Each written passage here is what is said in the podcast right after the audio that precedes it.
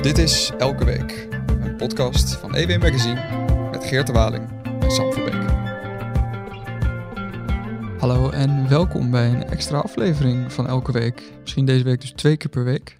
Uh, deze keer zonder uh, de podcastkameraad Geert de Waling, maar uh, dat mag de pret niet drukken. We hebben afgelopen maandag hebben wij opgenomen over het allereerste verkiezingsdebat. maar we kwamen er na het debat toch achter dat er ook thema's zijn die nog niet zo heel veel geraakt worden in de campagne. En uh, daarover ga ik het uh, deze week hebben.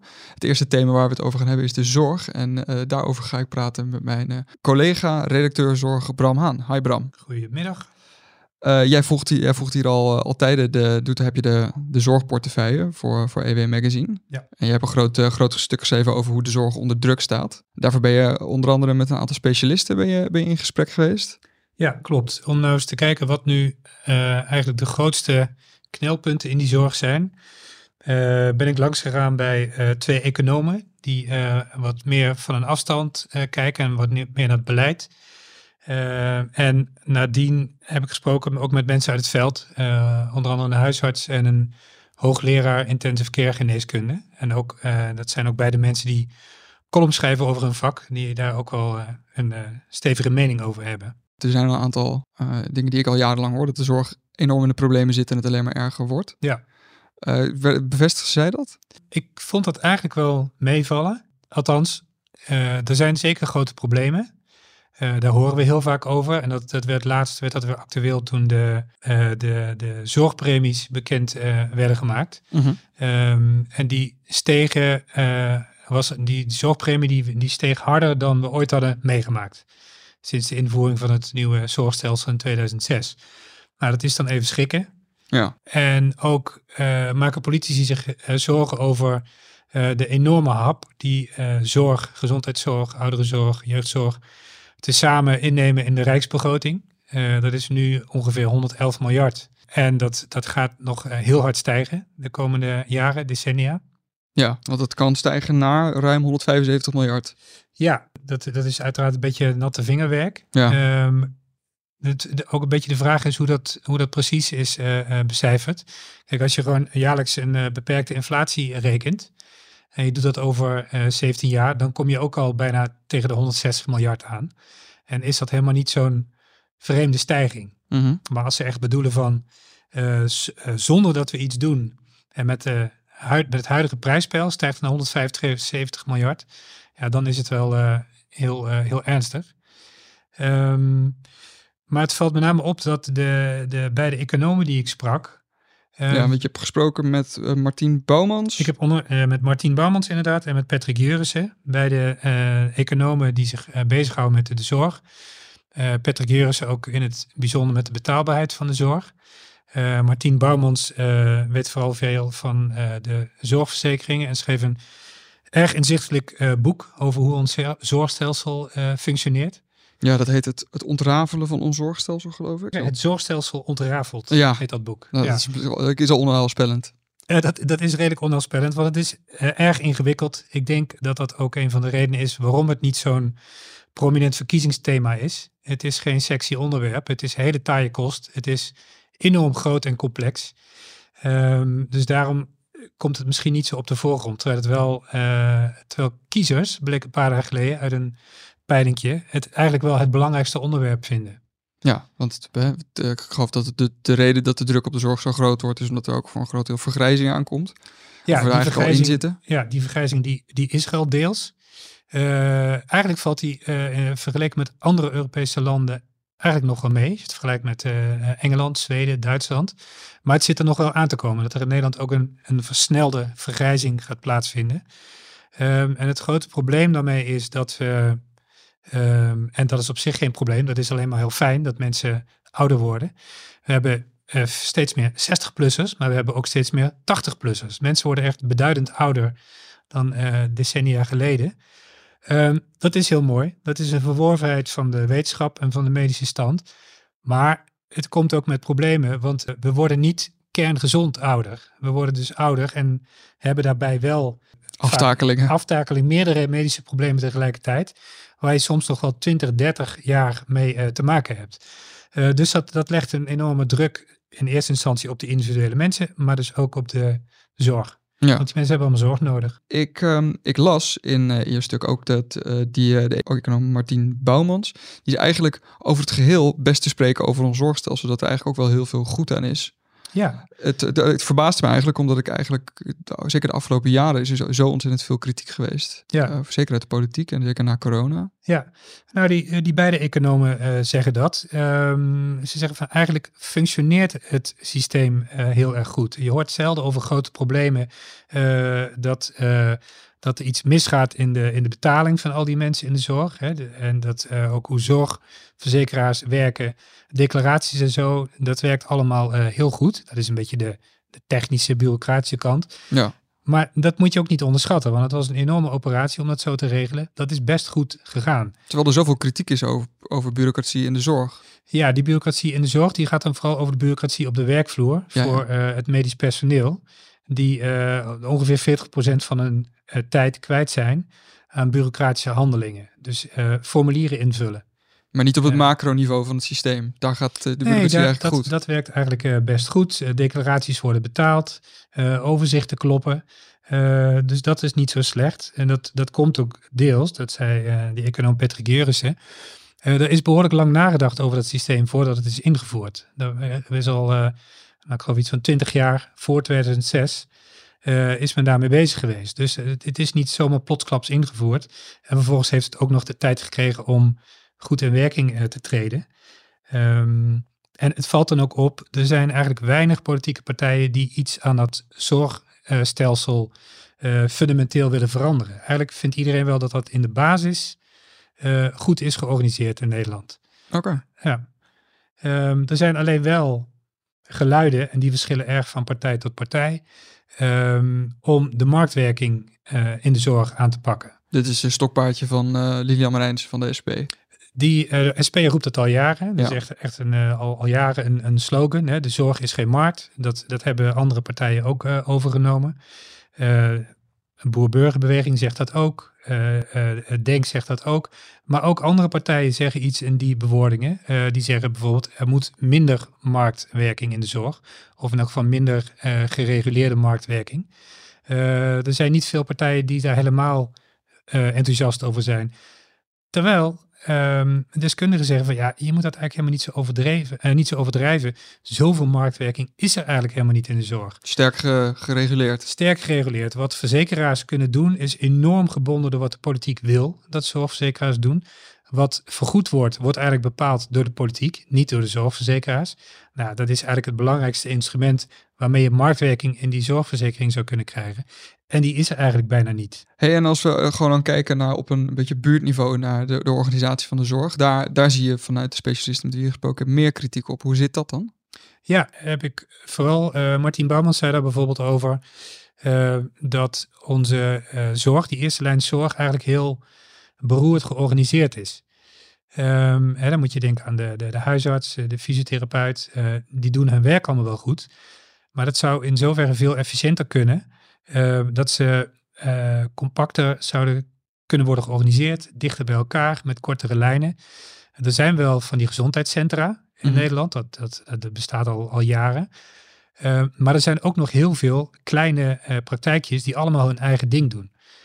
Een aparte fysiotherapeut, een aparte huisarts, een aparte psycholoog. Nou ja. Um, hij gaf een mooi voorbeeld. Um, bijvoorbeeld in, uh, in Utrecht. Uh, daar wordt er nagedacht over de aanleg van een nieuwe wijk. Uh, hij zei, dan wordt er nagedacht over uiteraard huizenbouw. Over een paar scholen, uh, wegen, openbaar vervoer. Ja. Maar wat eigenlijk niet in de plannen voorkomt is, moet daar niet één centraal gezondheidscentrum komen. Dat wordt... Waar, ja, al, waar al die zorg onder één kap zit. Waar al die zorg onder één kap zit. En dat betekent niet alleen dat het één plek is, dus dat het logistiek handig is. Maar dat je ook, uh, zeg maar de bureaucratische schil, ook in één uh, hand hebt. En dat zou een heleboel overhead uh, schelen. Hey, misschien kunnen we het ook even hebben over de hoogleraar IC Geneeskunde, Armand, Armand. Of ja, Armand. Uh, die is een heel stuk kritischer dan, uh, dan de andere mensen die over, over de zorg gesproken hebben. Kan je, kan je daar een beetje op ingaan? Ja, hij uh, vindt dat de problemen in de zorg eigenlijk veel te langmoedig worden aangepakt. bijna iedereen die ik sprak, is bijvoorbeeld behoorlijk positief over het integraal zorgakkoord dat minister Kuipers heeft gesloten met bijna alle belangrijke partijen in de zorgsector. En dat komt er in grote lijnen op neer dat er meer moet worden samengewerkt en dat de bureaucratie moet worden teruggedrongen. Minder concurrentie, meer overleg en meer samenwerking. Uh, Geerbe zegt erover, ja, het zijn toch een beetje labmiddelen. Het moet veel fundamenteler worden aangepakt. Ja, je zegt over een hele revolutie van het zorgstelsel. Nou ja, uh, bijna wel. En, en zijn belangrijkste kritiekpunt is dat er veel te weinig uh, vertrouwen is in de zorgprofessionals. Hij vindt dat er veel te veel door anderen die niet de zorg leveren en niet de kennis hebben over die zorg, beslissingen worden genomen over hoe die zorg georganiseerd zou moeten worden. En wat voor dingen zitten dan? Uh, bijvoorbeeld, ja, welke uh, behandelingen moeten worden toegepast? Ehm, hoe ziekenhuizen zich moeten organiseren, hoe die teams moeten worden samengesteld. en vooral de wijze waarop ze verslag moeten doen aan de zorgverzekeraar bijvoorbeeld. dat voor elke handeling een formuliertje moet worden ingevuld. Mm -hmm. Dat is die bekende klacht over de enorme bureaucratie. Die zit hem vooral daarin. Dat die papierwinkel heeft er vooral mee te maken dat alles verantwoord moet worden met het oog op hoe wordt het betaald. Ja. Uh, en dat is volgens, niet alleen volgens hem, maar hij maakt zich daar het meest druk over, uh, enorm doorgeschoten. Uh, tegelijkertijd wijst hij erop dat dat zeker niet alleen uh, komt vanuit de zorgverzekeraars, maar ook vanuit de ziekenhuizen zelf, die om hun kwaliteit omhoog te krijgen, wat op zich een goed streven is, allerlei controlemechanismen invoeren of hun organisatie laten doorlichten door externe bureaus, wat ook weer gepaard gaat met allerlei bureaucratie, ja, die in zijn ogen erg weinig oplevert, behalve dat er nog meer formulieren moeten worden ingevuld. Ja, en dit is een kritiek die we juist veel meer hebben gehoord, ook in oude vorige politieke campagnes. Ja, de, de, de, grote papierwinkel en dat mensen niet meer aan het bed kunnen staan. Ja, ja, en eigenlijk zijn alle partijen het daar ook over eens. Dat lees je in alle partijprogramma's terug. Uh, minder bureaucratie, minder papierwerk en meer handen aan het bed. En meer handen aan het bed is wel een interessante, want de ene partij bedoelt daarmee, we moeten meer zorgpersoneel aantrekken, dus echt letterlijk meer mensen. En andere partijen bedoelen met meer handen aan het bed, dat er minder mensen zich moeten bezighouden met management en allerlei randzaken in de zorg, maar echt letterlijk uh, met directe zorgverlening aan de patiënt. Juist. Nu, nu heeft uh, uh, lijsttrekker en uh, minister van Klimaat Rob Jette daar in het afgelopen D66 dus ook over gezegd. Laten we kort naar hem luisteren. zorg krijgen, moeten we de huisarts dus als we willen dat patiënten de beste zorg krijgen, moeten we de huisarts meer tijd geven. Als we willen dat de basiszorg in elke regio toegankelijk blijft, moet het met minder markt en meer samenwerking. En als we ouderen straks niet willen weigeren aan de poort van het ziekenhuis, hebben we niet minder, maar meer mensen uit het buitenland nodig. En dat is de eerlijke boodschap als we echt de beste zorg ter wereld willen. Is dat uh, de oplossing? Gewoon meer mensen uit het buitenland en dan heb je ook meer handjes aan het bed? Ja, dat, dat is zeer de vraag. Kijk, bijna alle partijen zijn erg terughoudend over uh, uh, migratie en ook over arbeidsmigratie. D66 is daar op het punt van zorg erg duidelijk over. Ja, het, dat, dat zou moeten blijken. kijk, het is zo, je hebt, in de zorg heb je ehm, vrij hoog opgeleid personeel nodig. Um, dat, is, dat is moeilijk te krijgen. Er beginnen niet genoeg mensen aan uh, dit soort opleidingen in Nederland. Uh, het reservoir waar je uit kan putten is ook gewoon niet zo heel groot. maar of arbeidsmigratie de oplossing is, dat is de vraag. Um, ja, arbeidsmigranten hebben toch ook zorg nodig op een gegeven moment? Ja, dat, dat, is, ook, dat is ook al een punt. als mensen komen met hun gezin en ze gaan hier wonen, dan heb je er één zorgmedewerker bij, maar misschien ook weer vier mensen die zelf ook zorg nodig hebben.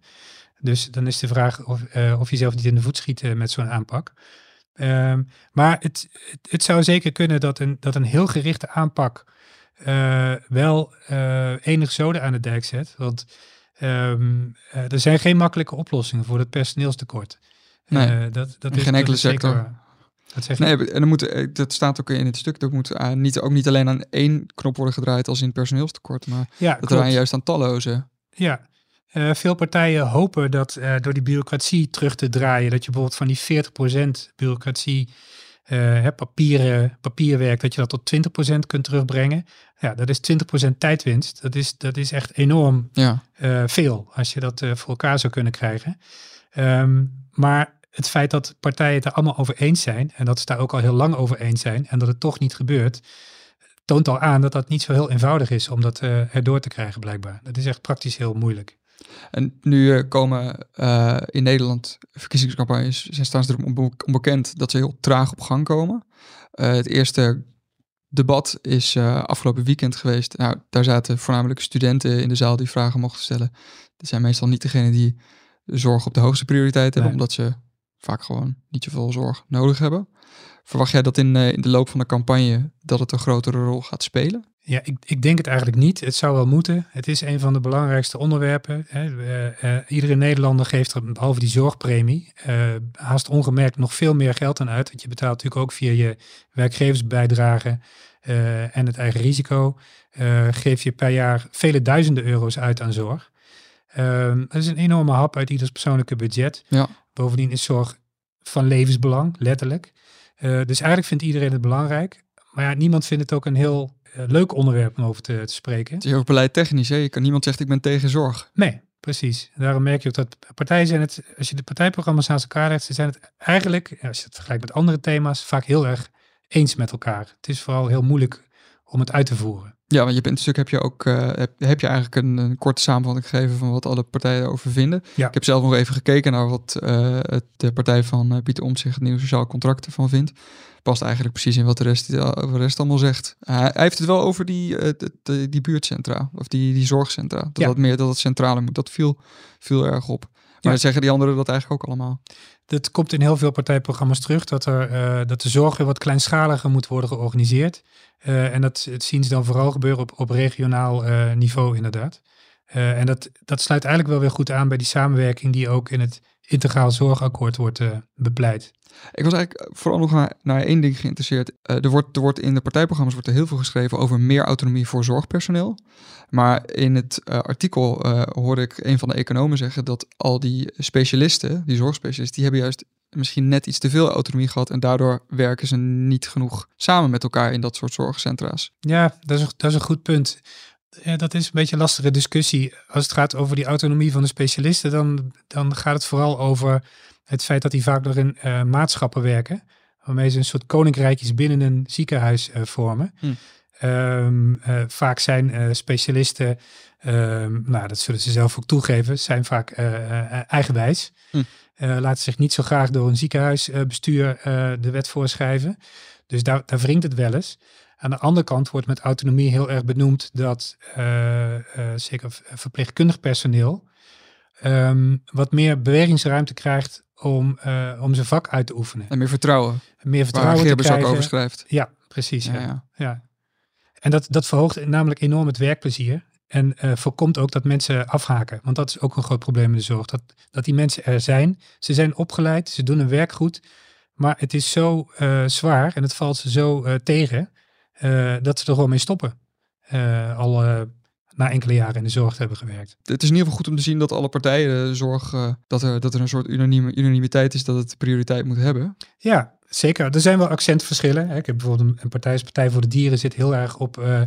We moeten uh, ons hele leefklimaat aanpassen. dan, dan worden we ook minder ziek. Meer preventie, gezond vegetarisch eten. Dan worden we allemaal niet ziek met z'n allen. Hm. Um, en er zijn ook partijen die wel een hele fundamentele verandering willen.